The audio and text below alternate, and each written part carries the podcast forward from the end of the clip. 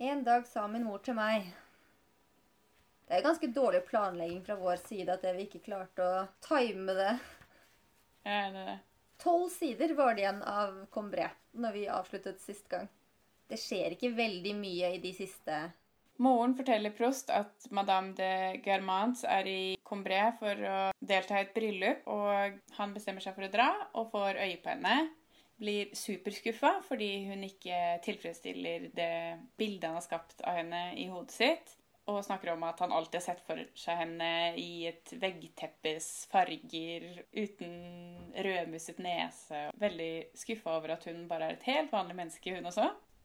Men med et veldig skarpt blikk, sier han vel. Han sammenligner henne vel litt med når han blir forelsket i Gelberte også, at hun har det der blikket som bare ser rett gjennom han, så han bare blir sånn Åh, jeg betyr ingenting for deg. Jeg må bety noe for deg. Ja, og det er ganske morsomt fordi at uh, han skriver at han ser på Gilbert og ser forakt i blikket hennes og blir forelska. Og så ser han på Madame de Guermans og ser vennlighet i blikket hennes. Og så blir han også forelska.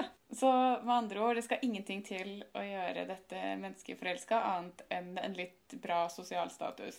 Kan jeg bli sett? Og deretter så går det videre til at han fornekter sitt anlegg for skrivekunsten, og det kommer Igjen? Altså, Unnskyld meg, men det var jo det vi slutta med sist også. At han var sånn Det her kommer aldri til å gå. Jeg kommer til å dø som et vanlig menneske. Og så forteller han om denne teksten han har skrevet om disse to og snart tre kirketårnene. Ute og går en tur, og så ser han klokketårn som forekom han så fjerne, og skriver en lang tekst om disse tårnene. Hvordan er det den teksten han har skrevet, avsluttes? De fikk meg til å tenke på tre unge piker i en legende, forlatt på et ensomt sted der mørket allerede senket seg, mens vi fjernet oss i galopp, så jeg dem søke fryktsomt sin vei. Og så sier han Jeg tenkte aldri mer på den teksten, bare tydeligvis, da, siden du har skrevet den ned.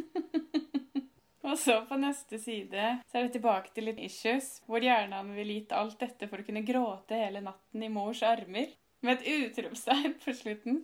Det er sjeldent. Det er det. Han vil ikke overdrive med banale tegnesettinger. Han tar utropstegnene i ordformat, han. Ja. Store ord. Han oppsummerer jo egentlig hele første del. Han starter med 'lenge gikk jeg tidlig til seng', og så begynner han å snakke om en sånn trygghetsfaktorer fra barndommen. Hvor viktig det er for han å ha Combré og ha disse minnene som er på en måte grunnmuren hans. da. Som han poengterer seg denne fullstendige ro i sinnet som ingen elskerinne har kunnet gi meg siden. Trygghet, nærhet og sex er helt omveltelig for han. Bekreftelse fra barndom, bekreftelse fra mor, bekreftelse fra kvinner, bekreftelse fra gjenkjennelse. Han har jo bare én svær røre på det der som han ikke skiller fra hverandre i det hele tatt. Som jo blir veldig morsomt fordi at mye av den der barnlige begeistringen for mamma og hvordan han føler det rundt det, blir jo sidestilt med Swans forhold til kvinner. Som jo er superrelevant for dette partiet vi skal snakke om i dag. Fordi Swan og jeg-fortelleren vår er jo ganske like på mange områder. Ja, det syns jeg er litt sånn Er de like? Altså Ser han opp til han fordi han gjenkjenner seg selv, eller projiserer han mye av seg selv på Swan? Siden det er han som forteller, på en måte. Jeg skjønner hva du mener. Jeg tror nok det er mye av det siste, fordi at han beundrer jo Swan veldig. Og om det er fordi han kjenner seg igjen i han, for han er jo litt selvgod, eller om han kjenner seg igjen i Swan fordi han beundrer han, er på en måte ikke så godt å si. Men det er nok mye egenskaper han tilegner Swan som egentlig er hans egne også.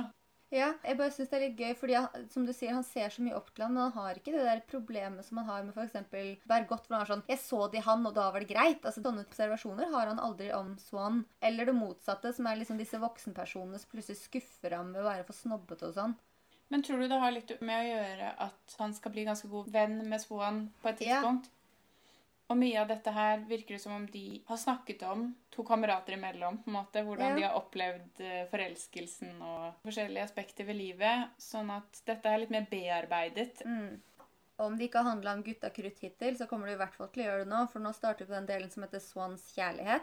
Som han ikke er en del av i det hele tatt de første 100 sidene. Dette er tydeligvis noe som har blitt han gjenfortalt om Swans kjærlighetsliv, da. Eller hans kjærlighet til Swan. Hvem vet? Det er vel en 50-50-blanding der.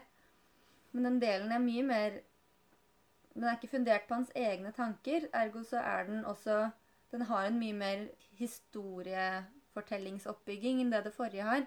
Fordi Mm. han prøver ikke liksom å sette sammen biter av sin egen fortid, men han har på en måte, han har blitt fortalt en historie, og så har han bare formulert den sånn som han liker å høre den, antar jeg. For det virker litt som at han har litt av den derre bearbeidelsesprosessen og redigeringsprosessen som en historie som er fortalt i ettertid har, istedenfor det der å prøve å fremstille virkeligheten akkurat sånn som den var i det øyeblikket han opplevde den, i det øyeblikket han våknet opp. Mens nå så har han en mye mer sånn utelukker det unødvendige, eller i hvert fall en del av det unødvendige, for å komme til poenget mer, da. Kan jeg bare lese første avsnittet på den? For å bli opptatt i Verduins lille krets, lille gruppe eller lille klan var én betingelse tilstrekkelig, men den var til gjengjeld nødvendig. Man måtte stilltiende godta et credo som bl.a. slo fast at dr. Cotard var en større diagnostiker enn Potin, at verken Planté eller Rubenstein kunne måle seg med den unge pianisten som Madame Verdurins protégé det året, og om hvem hun sa at det kunne ikke være lov å spille Wagner så guddommelig. Hver ny rekrutt som Verduins ikke klarte å overbevise om at at kjede seg til døde hos alle andre enn i deres hus, ble øyeblikkelig ekskludert. Det er ganske Det er en kul intro. Altså, du legger liksom veldig tonen med en gang. Den har litt sånn der in media res-feeling. Sånn derre OK, this is gonna go down, liksom. Du har Mm. rett inn i smørja. Du må bare vite det før vi begynner. Ja. Velkommen til klanen. Og går det an å være så selvgode som disse menneskene er? Det skal godt gjøres, i hvert fall. Helt utrolig hvordan de sitter litt forskjellige steder, men ofte hjemme hos Verdurins og bare hever seg over hele verden. Og allerede her så presenterer jo de dette begrepet 'de kjedelige', som jeg syns er veldig morsomt, fordi at jeg tenkte at det bare var aristokratiet, men så viser det seg at de kjedelige er egentlig alle andre enn dem selv. Og det kan også være hvis en av de har et sykt familiemedlem som krever deres tilstedeværelse, som gjør at ikke de kan komme i en middag eller hva det måtte være hjemme hos Verdurins, så kategoriseres de også som de kjedelige. Altså, det er jo ikke for å dra paralleller mellom Prost og Paradise Hotel for øvrig, men dette her er jo eh, Er du medlem av La Familia, så er du medlem av La Familia. Ikke noe bytting av allianser her, altså. Jeg husker ikke dette. Husker du ikke dette i Paradise Hotel? Nei. Du husker ikke May-Britt Andersen, og du husker ikke Paradise Hotel. Hvor, hvor ligger din kulturelle kapital, egentlig? Jeg har akkurat funnet ut at Henrik Thodesen ikke er homofil, jeg, så jeg Så jeg henger ikke med i det hele tatt. Om det er det flere som ikke gjør, da, kan vi snakke litt om dr. Kotar? Han henger jo i hvert fall ikke med. Altså, Han henger ikke med i språket sitt engang. Han er bare helt ute. Men det virker som om han har blitt skadet for livet av at moren har gitt han et eller annet råd tidlig i livet. Ja, hva var det?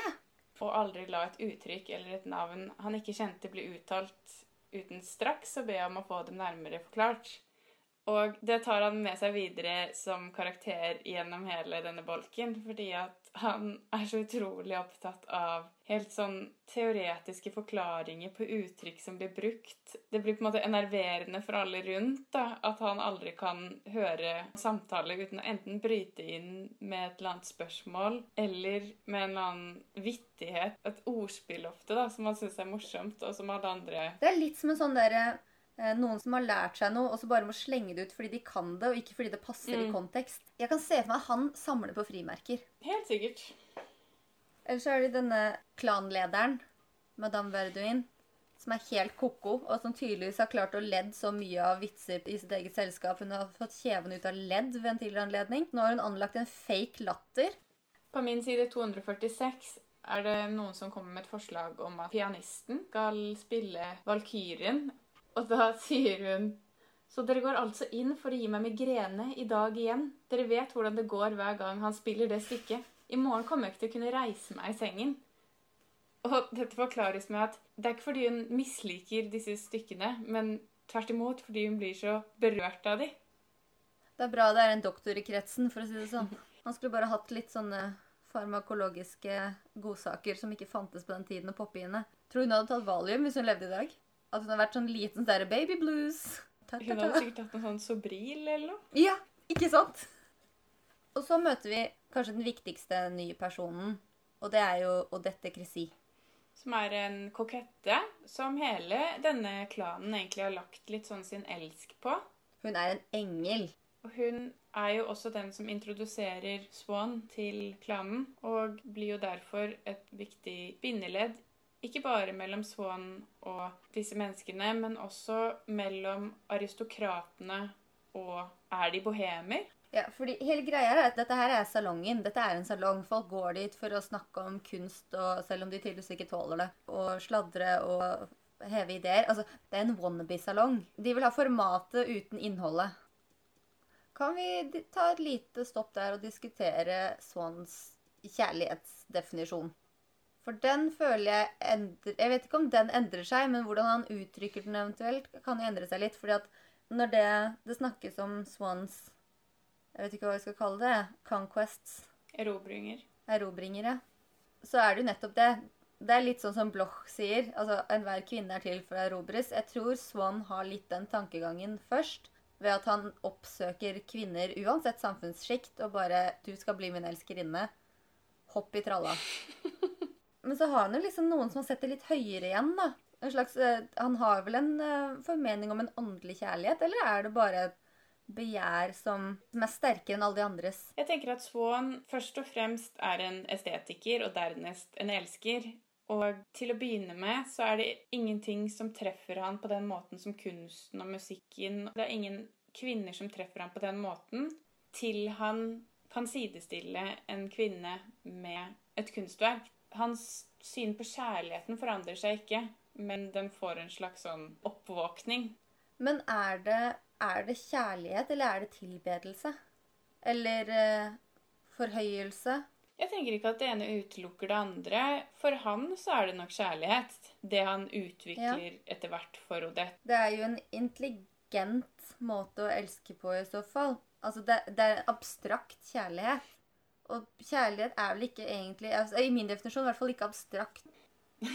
Nå dette plutselig kjærlighetspodden. Men den kan jo på en måte virkelig utspille seg på veldig mange forskjellige måter, da. Jeg tror ikke jeg vil bli elsket på den måten han elsker Odette, på en måte. Skal vi snakke litt om progresjonen i denne elsker, elsker ikke, hvem elsker hvem når-dilemmaet, eh, eller? For det er jo litt gøy. Det begynner jo utelukkende med at hun er veldig begeistret for han. Og han er superavmålt og mest opptatt av å kline med arbeiderpiken disse kvinnene som han Og jeg syns det her var så grotesk. Det kunne vært liksom en beskrivelse av kjøttdeig. Jo, men jeg kødder ikke. Altså, når han sier at eh, en sjelfull holdning eller et melankolsk uttrykk virket like avkjølende på hans sanser som det blotte syn av en sunn og frisk, kjøttfull og rosa kropp var i stand til å begeistre han. Tenk om noen hadde skrevet det på Tinder-profilen sin. Hei, jeg ser din sunn og frisk, kjøttfull og rosa kropp. Den er kropp. faktisk eklere i din. Ja. Og her så står det en sjelfull holdning eller et melankolsk uttrykk virket like avkjølende på hans sanser som det blotte syn av en frisk og varm hud var i stand til å begeistre ham. Litt ja. ekkelt, det òg, men Det er mye finere. Det er litt 'Silence of the Lamb', begge deler. Og der er jo på en måte Odette denne beskrivelsens rake motsetning. For hun beskrives jo som vakker, men ikke tiltrekkende, på en måte. At hun har litt store øyne, Eh, litt stram hud. Har litt sånn rosa pigmentering i ansiktet, med veldig vakre trekk. Og hun kan sine vinkler. Hun hadde gjort det fabulous på Instagram. Hun hadde, Instagram. hun hadde jo vært perfekt for dagens skjønnhetsideal, tenker jeg. Fordi at à la sent 1800-tall så altså Hvis du ser på malerier og sånn, så er det jo ofte på en måte det Det skjønne er jo ikke det som fremstilles i media i dag som skjønnhetsidealet i det hele tatt. Men jeg tenker Odette hadde vært Kjøttfullt og rosa? Nå skal man være tan og fit. Han er jo ikke tiltrukket av henne, egentlig. Han er sånn 'Du er pen, men jeg vet ikke helt hva jeg skal gjøre med deg, fordi at jeg blir ikke tent'. Sånn har hun plan B-elskerinnen, som han koser seg med om dagen, og så møter han henne på kvelden for sivilisert omgang. Og da mener jeg det helt usarkastisk. Hvor han besøker henne, og så han, han bruker sykt lang tid på å beskrive hvordan det er hjemme hos henne beskrives jo veldig Nesten litt eksotisk, da, med den lampen som har gass, sånn at man skal få et innblikk i den vestlige verden, på en måte. Husker mm. du det? Våre kommoditeter, ja. Litt sånn emblematisk for henne. Dette med at hun vil fremstå som liksom spennende og eh, vil omgi seg med vakre ting og spennende mennesker og komme inn på ball og premierer og leve et litt sånn derre babam-babam-liv. Som jo er hele grunnen til at hun er begeistret for Swan i første omgang. Mens i bunn så er hun veldig sånn Jeg liker ting som er komfortable og lette og gjør, altså, gjør livet mitt lettere, da. Som gassen på en måte blir, da. I denne lille, flotte analogien. Hun er jo en veldig motstridende karakter, fordi at hun på den ene siden er superopptatt av det elegante og poesien og det opphøyde og de viktige stedene å være på, de rette menneskene å være med. Hun vil høre mer om Fermer og om all denne innsikten verdensmannen Swan sitter på, da. På den andre siden så er hun veldig Beskrives hun jo av Swan som ganske banal og grunn og litt sånn lite innsiktsfull. Og på en måte så føler jeg at de begge bruker hverandre. At det er på en måte ikke Motivasjonen fra begges kanter er litt sånn som vi har sett tidligere også. Hva kan dette tjene meg? Og derfor blir det jeg blir litt sånn usikker på hvem er det som bruker hvem. Skjønner du hva jeg mener? Nei, så jeg tror det er et absolutt skifte der. Det er det helt klart, men jeg tror, at, jeg tror man blir litt lurt til å tro at hun er mer i det enn hun egentlig er. da. Fordi jeg tror hun, hun tar litt lettere på ting. Hun er så opptatt av at det skal være tilfredsstillende sosialt sett. Det skal jo ekstremt lite til før hun går videre til neste. på en måte. Jeg tenker at det er, en, det er ganske langt ute, sånn nesten helt på slutten, egentlig, så sier fortelleren faktisk om sånne som henne. Jeg tenker jo det her er myntet hovedsakelig på Odette. De mennesker som samlet på antikviteter, som elsket poesi, som foraktet smålige beregninger og bare drømte om ære og kjærlighet, de sto for henne som elite, høyt hevet over menneskeheten for øvrig. Det var ikke nødvendig at man virkelig hadde slike interesser og anlegg, hovedsaken var at man forkynte det. Hun vil ha livsstilen, men ikke anlegget. Men det er akkurat det hun disse Swan for. Det at han faktisk agerer som at han er lidenskapelig opptatt av de tingene. Ja, så sier han liksom at Du sier at du er så opptatt av disse vakre, fine tingene, men så bor du i en skræthaug og bryr deg ikke om teppene dine og hvordan det ser ut rundt deg. Skræthaug? det er jo det hun sier, basically. Etter den der beskrivelsen der så ser jeg for meg at hun bor i leiligheten til Sherlock Holmes. Er det det du ser for deg? Ja, at, at uh, Swan bor i en sånn derre Litt sånn derre nedslitt sak. Sånn Ja, ja, her er det noen stolbein som har falt av, men så lenge det holder bøkene mine, og jeg kan tenke på den komplisiteten i kunsten og musikkstykkene som beveger meg, så går det greit, mm. liksom. Men vi må snakke om det skiftet. Ja. Fordi først så er han ikke så innmari keen, men han er veldig glad i bekreftelsen. Han syns det er veldig deilig at hun ser på han og vil ha han. Og hvis han syns han får litt for lite, så sender han henne et sint brev hvor han anklager henne for masse greier. Jeg skrev i margen sånn 'Don't hate the player, hate the game'. Uh, men her er det 'definitely hate the player'. Hvorpå at han skal få en sånn eh, reaksjon ved at hun enten uh, møter han tidligere til aftens hos Verduin, eller sender et brev allerede den formiddagen og er litt sånn derre Hva er det som skjer? Jeg skjønner ikke hvorfor Hvorfor reagerer du på denne måten nå? Det er bare deg. Mm. Og så ødsler han bort litt for lenge. Og da tar hun igjen. Det skjer jo to ting som gjør at dette skiftet finner sted. Og det er for det første at han på et tidspunkt, når han står og snakker med henne på kvelden, ser Sephora fra det sixtinske kapellet i henne. Og da kan han plutselig sidestille henne med kunsten og heve henne opp til Som gjør at kjærligheten til henne blir av fast form for han plutselig. Han kaller henne et udødelig kunstverk. Og dette er jo egentlig en skade han også har litt fra før. Det der med at han Altså, han, han kjenner jo igjen folk i, eller kunstverk i folk hele tiden. Sånn som han kaller jo denne Hva var det han kalte kjøkkenpiken? Ja, kusken også, men kjøkkenpiken i del én Ja, barmhjertigheten av Giotti eller et eller annet sånt. Nei, hva heter det? Jo, samme Giotti. Det er egentlig litt interessant, fordi at i alle de eksemplene han har dratt frem frem til Odette, så er det det at han syns det er morsomt å trekke kunsten litt ned. Eller liksom gjøre det litt sånn satirisk. Å, jeg ser det i deg, det er litt interessant. Jeg ser det i deg, det er litt interessant. Mens her er det jo egentlig sånn total sammensmelting. Altså, hun er kunstverket. Legemliggjort med kjøtt og blod. Og så skjer det en annen ting, og det er at han kommer sent til middag hos Verdurins en dag og har vært med denne arbeiderpiken litt lenger enn vanlig. Når han kommer, så har Odette dratt og gitt beskjed til en eller annen ved døren eller noe sånt at hun blir å finne på en kafé som jeg ikke husker navnet på akkurat nå. En kafé inne i Paris sentrum. Og han får akkurat samme panikken som Prost får under leggerutinen, hvor mamma forsvinner av syne. Nå er hans elskede borte, og han går amok. Eller går amok, det var kanskje litt dramatisk. Han blir hysterisk etter å finne henne. Det blir veldig komisk, fordi at han skal på en måte være denne verdensmannen, og så avmålt og balansert hele tiden. Det som skal til for å vippe han av pinnen, er at han ikke får sagt god natt til Odette, som han egentlig ikke liker så godt. Det er denne hersens rutinen, altså. Det er rutinen som alltid tar dem. Ja, og det er trist at det, han Altså, han har lyst til å sette hele jorden på hodet, men så har han bare én kusk. Så det tar jo sin tid, dette her.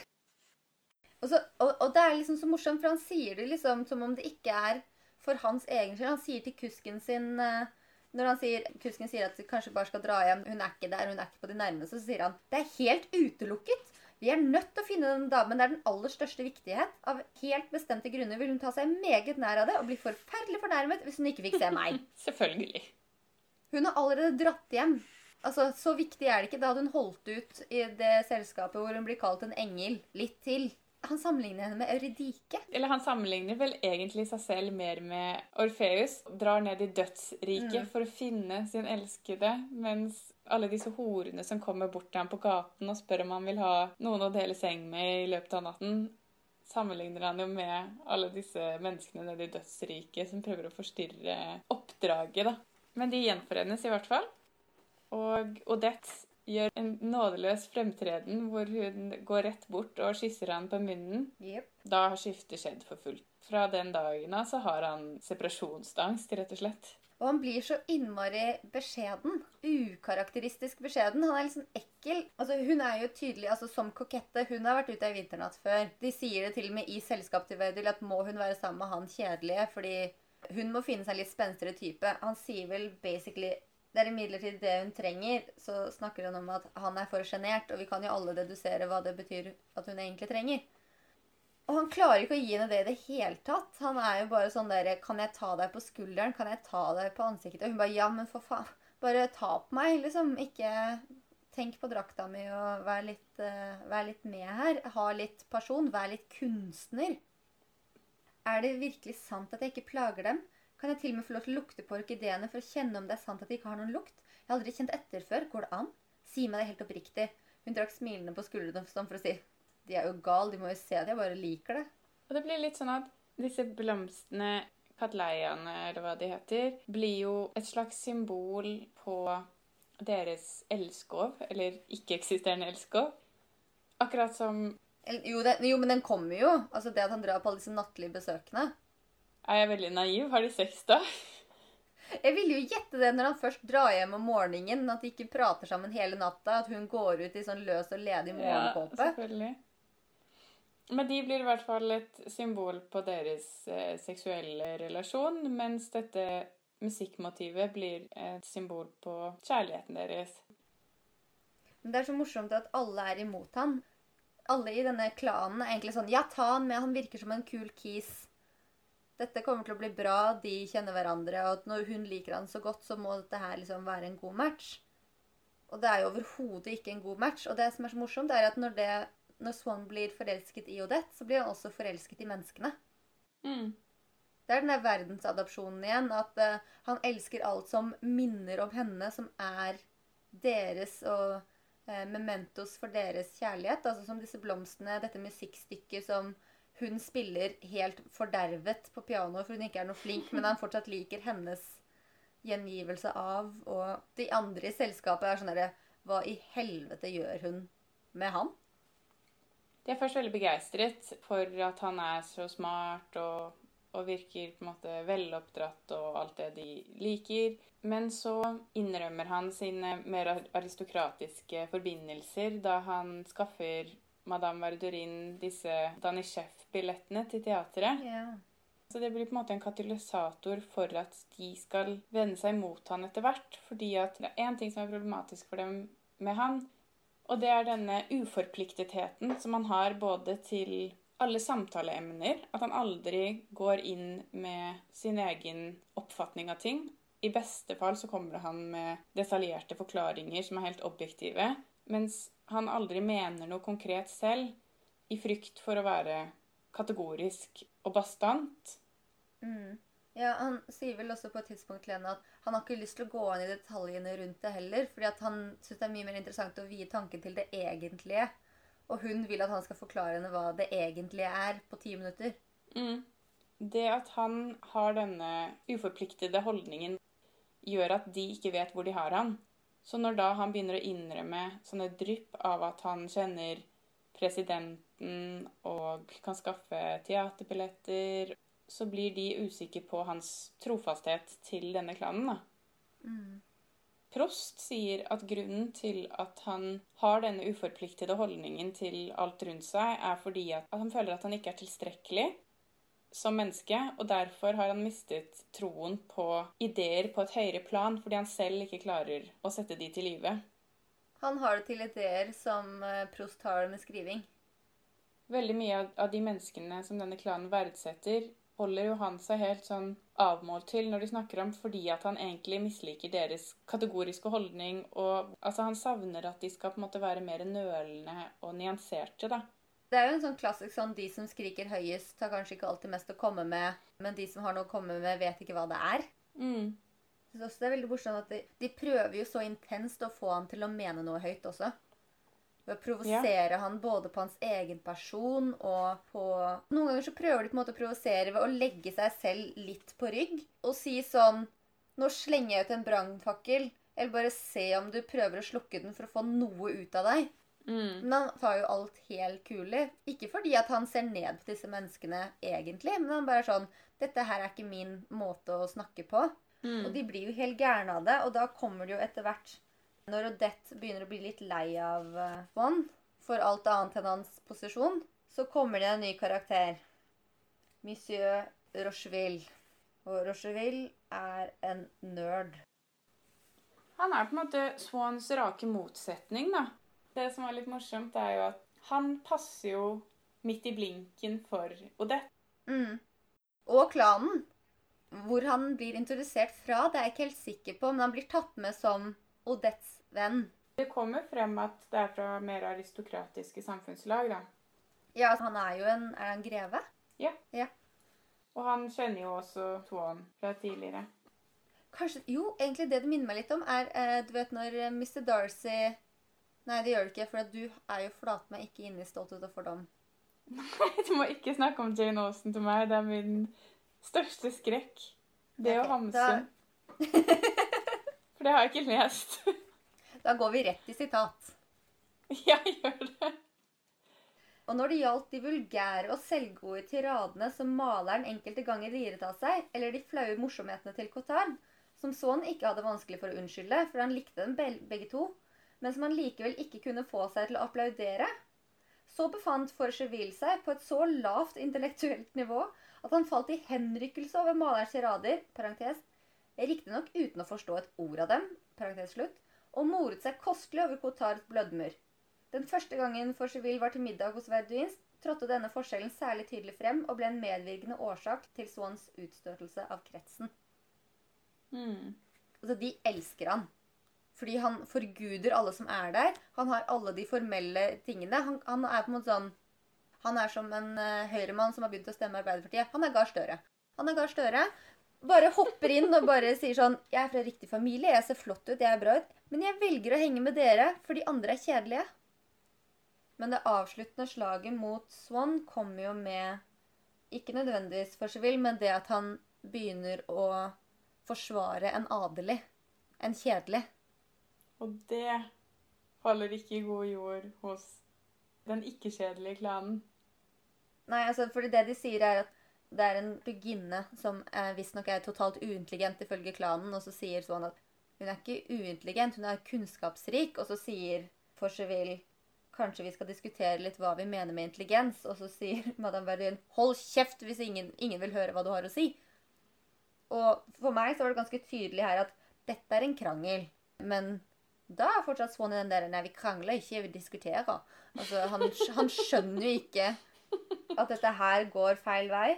Og i hvert fall ikke når uh, Forcheville fortsetter å være on top og bare menge seg med uh, Madame Verduin.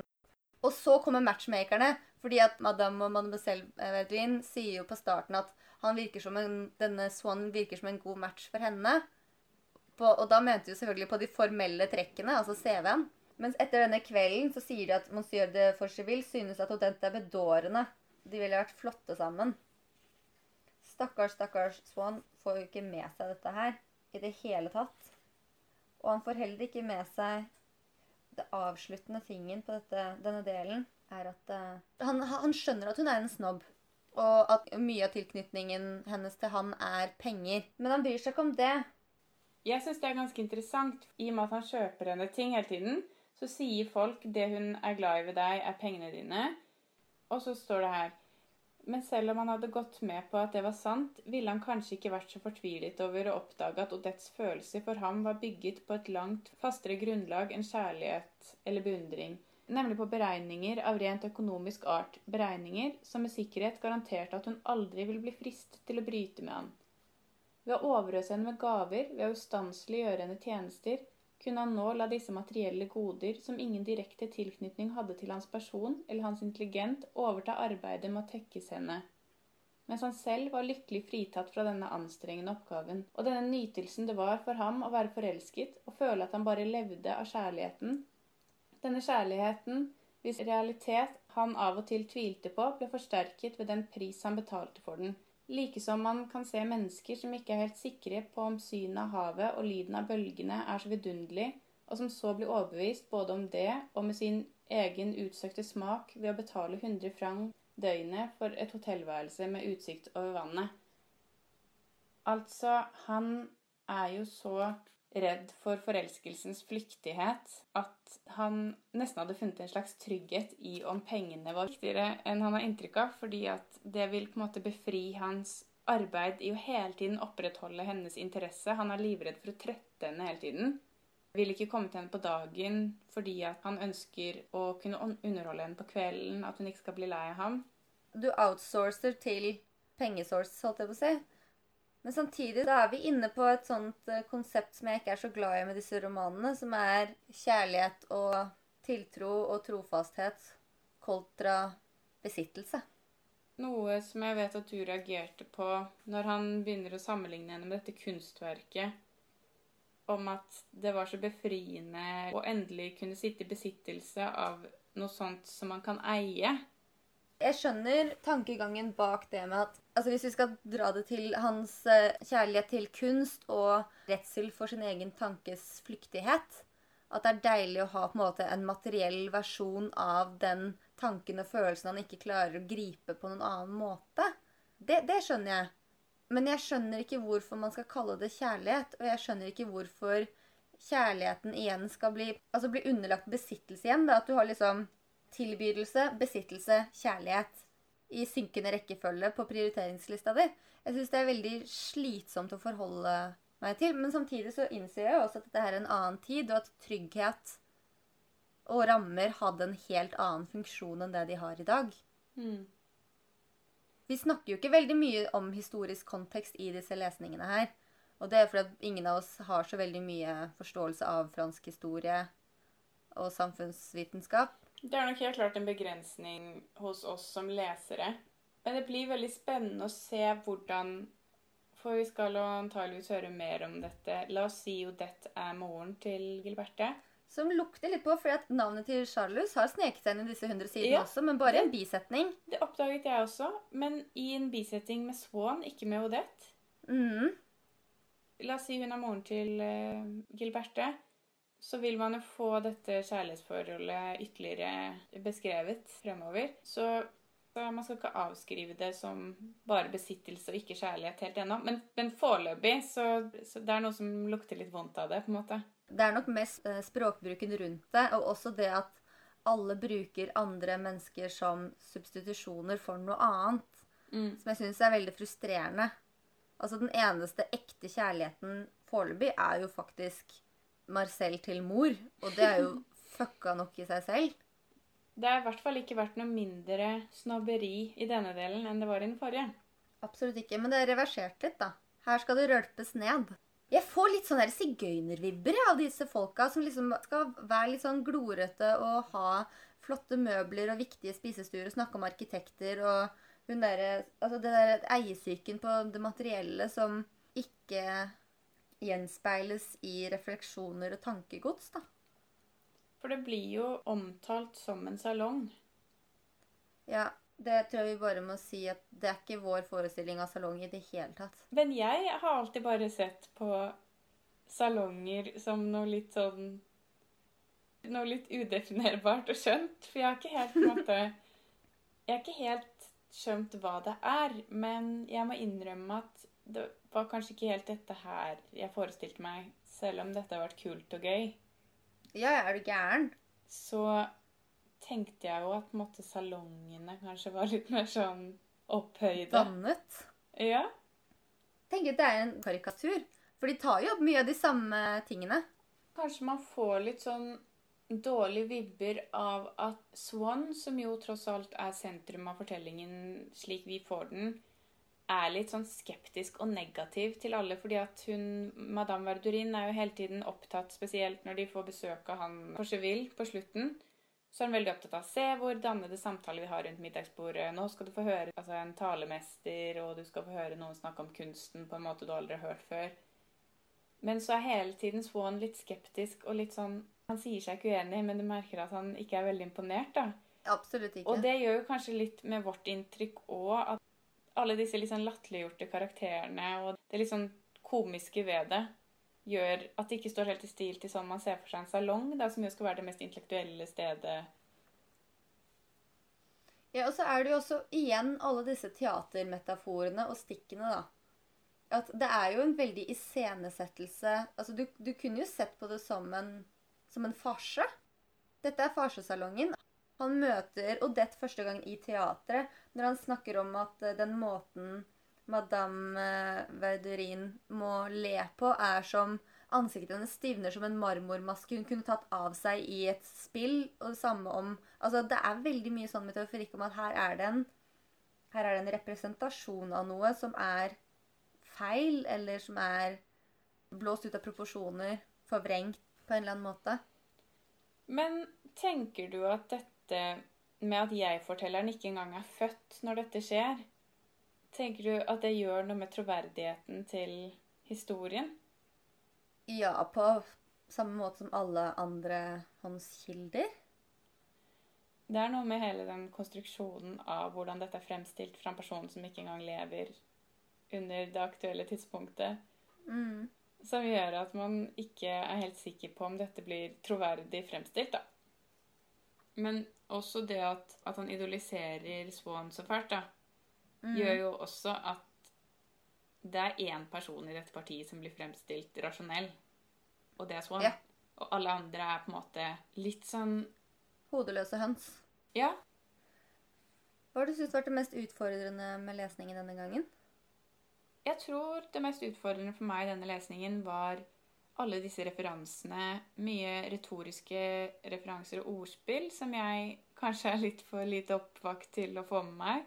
De slenger ut med mye sånn skuespillernavn og kunstverk og musikere som jeg ikke har hørt om. Så man Mm. faller litt ut av det. Det er både det fine og det vanskelige med at det er så omfattende, det verket her. Mm. At du får på en måte innblikk i en hel verden, men på samme måte som en faktisk verden, så må du liksom tilegne deg den ganske litt etter litt. Ja.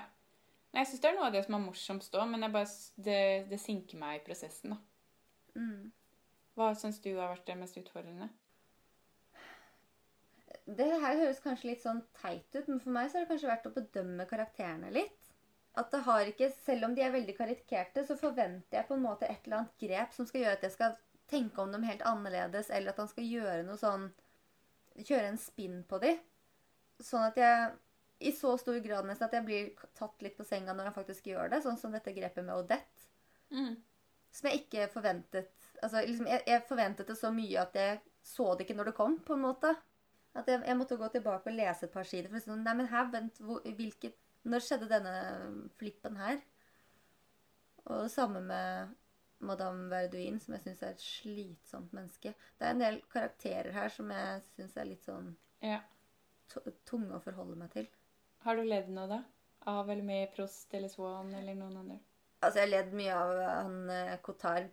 Ja. Det kunne jeg se for meg at du syntes var morsomt. Ja, jeg ler mye Altså, jeg ler av han. Ja, det skjønner jeg. Nei, akkurat din type humor, da. Nei, men det er liksom bare øh, Off timing. Det, jeg faller for det hver gang. Jeg syns det er så morsomt når folk ikke klarer å lese situasjonen og bare braser ut med et eller annet sånn totalt ballplassert. Mm. Det er kjempe, kjempe, kjempegøy. Hva med deg? Jeg har faktisk ikke ledd så mye denne gangen. Jeg lo av eh, Madame Ventuils skjeve ut av ledd og migreneanfall av eh, diverse musikkstykker. Men jeg egentlig ikke syns ikke det har vært så mye Det har ikke vært noe hysterisk denne gangen. Jeg kom på en ting når det vi satt og snakket her i stad om hvordan disse menneskene ser ut som kunstverk. Sånn. Men har du liksom noen sånne personer som du ser for deg, som du prosjekterer litt på karakterene? Sånn mennesker du kjenner, eller eh, sånne ting?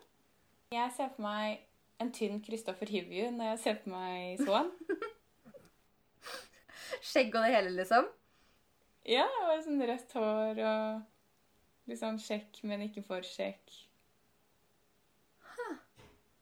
Han ha- mm, Det er jeg ikke enig i. Han er litt for intens på Swan. Jeg synes liksom han, liksom, han er litt for markert. Ja, jeg, tenker, jeg ser for meg en litt sånn sped Kristoffer Hivju, da. en kjempeskjør Kristoffer Hivju. Har du sett for deg noen morsomme? Ja, og jeg prøver å Dette her er et kompliment. Det mener jeg helt oppriktig. Men sånn som uh, Swan snakker om henne i starten, sånn som vi snakket om uh, Det er Odette. Odette minner meg Når jeg, når jeg leser om Odette, så ser jeg henne i Amalie Lerstangs ansikt. Ok. Sånn helt tydelig. Og jeg vet ikke helt hva det er med det. Jeg tror det er det at det snakkes om liksom blondt hår og buet panne og store, uttrykksfulle øyne.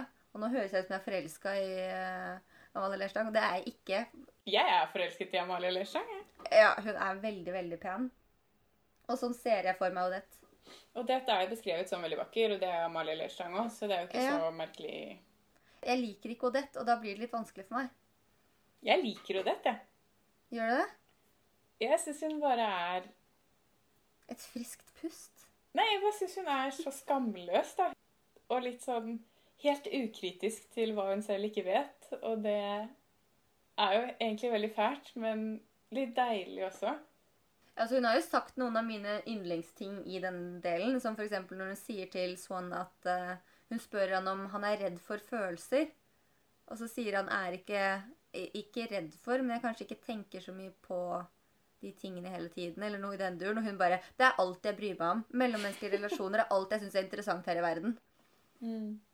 Og det er jeg litt enig i, for jeg syns også det er liksom Når man snakker med folk og eh, Det er mye som er spennende å lære om, men det er gjerne relasjonen man lærer det i, som gjør det spennende og interessant. da. Litt sånn som når vi lærer om prost på den måten her. Det er jo i samtalen med deg det blir gøy. Eller ja, det er gøy i seg selv. Jeg skal ikke fornærme han så mye. Men Det er jeg som gjør opplevelsen bra. det er du som er Hva ser du for deg kommer til å skje, eller håper du kommer til å skje i neste del? Jeg har egentlig sett for meg ganske konkret at Odette er gravid etter alle disse nattbesøkene. Som du ikke trodde fant sted? Jeg, visste at de fant sted, jeg var bare ikke helt sikker på om det var noe Bang, bang. bang bang. Odette er gravid. Hun er ikke forelsket i Swan, men han er forelsket i henne. Kommer til å bli mer og mer forelsket. Og nå så kommer de til å flytte sammen og skulle oppdra en baby, mens hun får mannlig besøk av folk i hytt og pine. Tror du alt det kommer til å skje de neste 100 sidene? Jeg håper det skjer. Jeg håper på sånn som i Game of Thrones, at alt går sakte, sakte, sakte, sakte. Siste sesong. Bam! Hivju. Hivju kommer. Å oh, nei. Hva, hva er dine forventninger fremover, da? Jeg vet ikke hva jeg har av forventninger, men jeg håper jo at du bare har helt rett nå. Ikke, jeg håper jo at det skal være Å, nå kommer jeg til å høres så snobbete ut. Så jeg håper det skal komme en ordentlig salong, egentlig. Enig. Det skal, når det skal komme litt sånn ordentlige ideer som er spennende å, å ta tak i. Altså For all del, det er kjempegøy. Og jeg, det, det er jo dødsfort, trass at um, vi er en uke for sen med denne episoden. Så har det jo gått kjempefort å lese når man har satt seg ned. For det er jo ren underholdning, mye av det her. Men jeg håper at det skal komme noen sånne Oi, shit, hva er kunst? Hva er det? Passasjer som jeg bare må legge fra meg og, synes, og få vondt i hodet av. Og så elsker jeg det om tre uker. Du syns rett og slett at Prost ikke er elitistisk nok, du? Ja, jeg, ja, kanskje. Jeg bare ønske at han kan, kunne imponere meg litt med å uttrykke tankene sine. Ikke bare si at 'jeg tenker så mye', men Mm. det er det egentlig, og det tar for lang tid. Ja, men så herregud, si det da, hvis du vet så mye om det. Mm. Så lenge det ikke er en blomster. Så lenge det ikke er en blomster. Natta. God natt.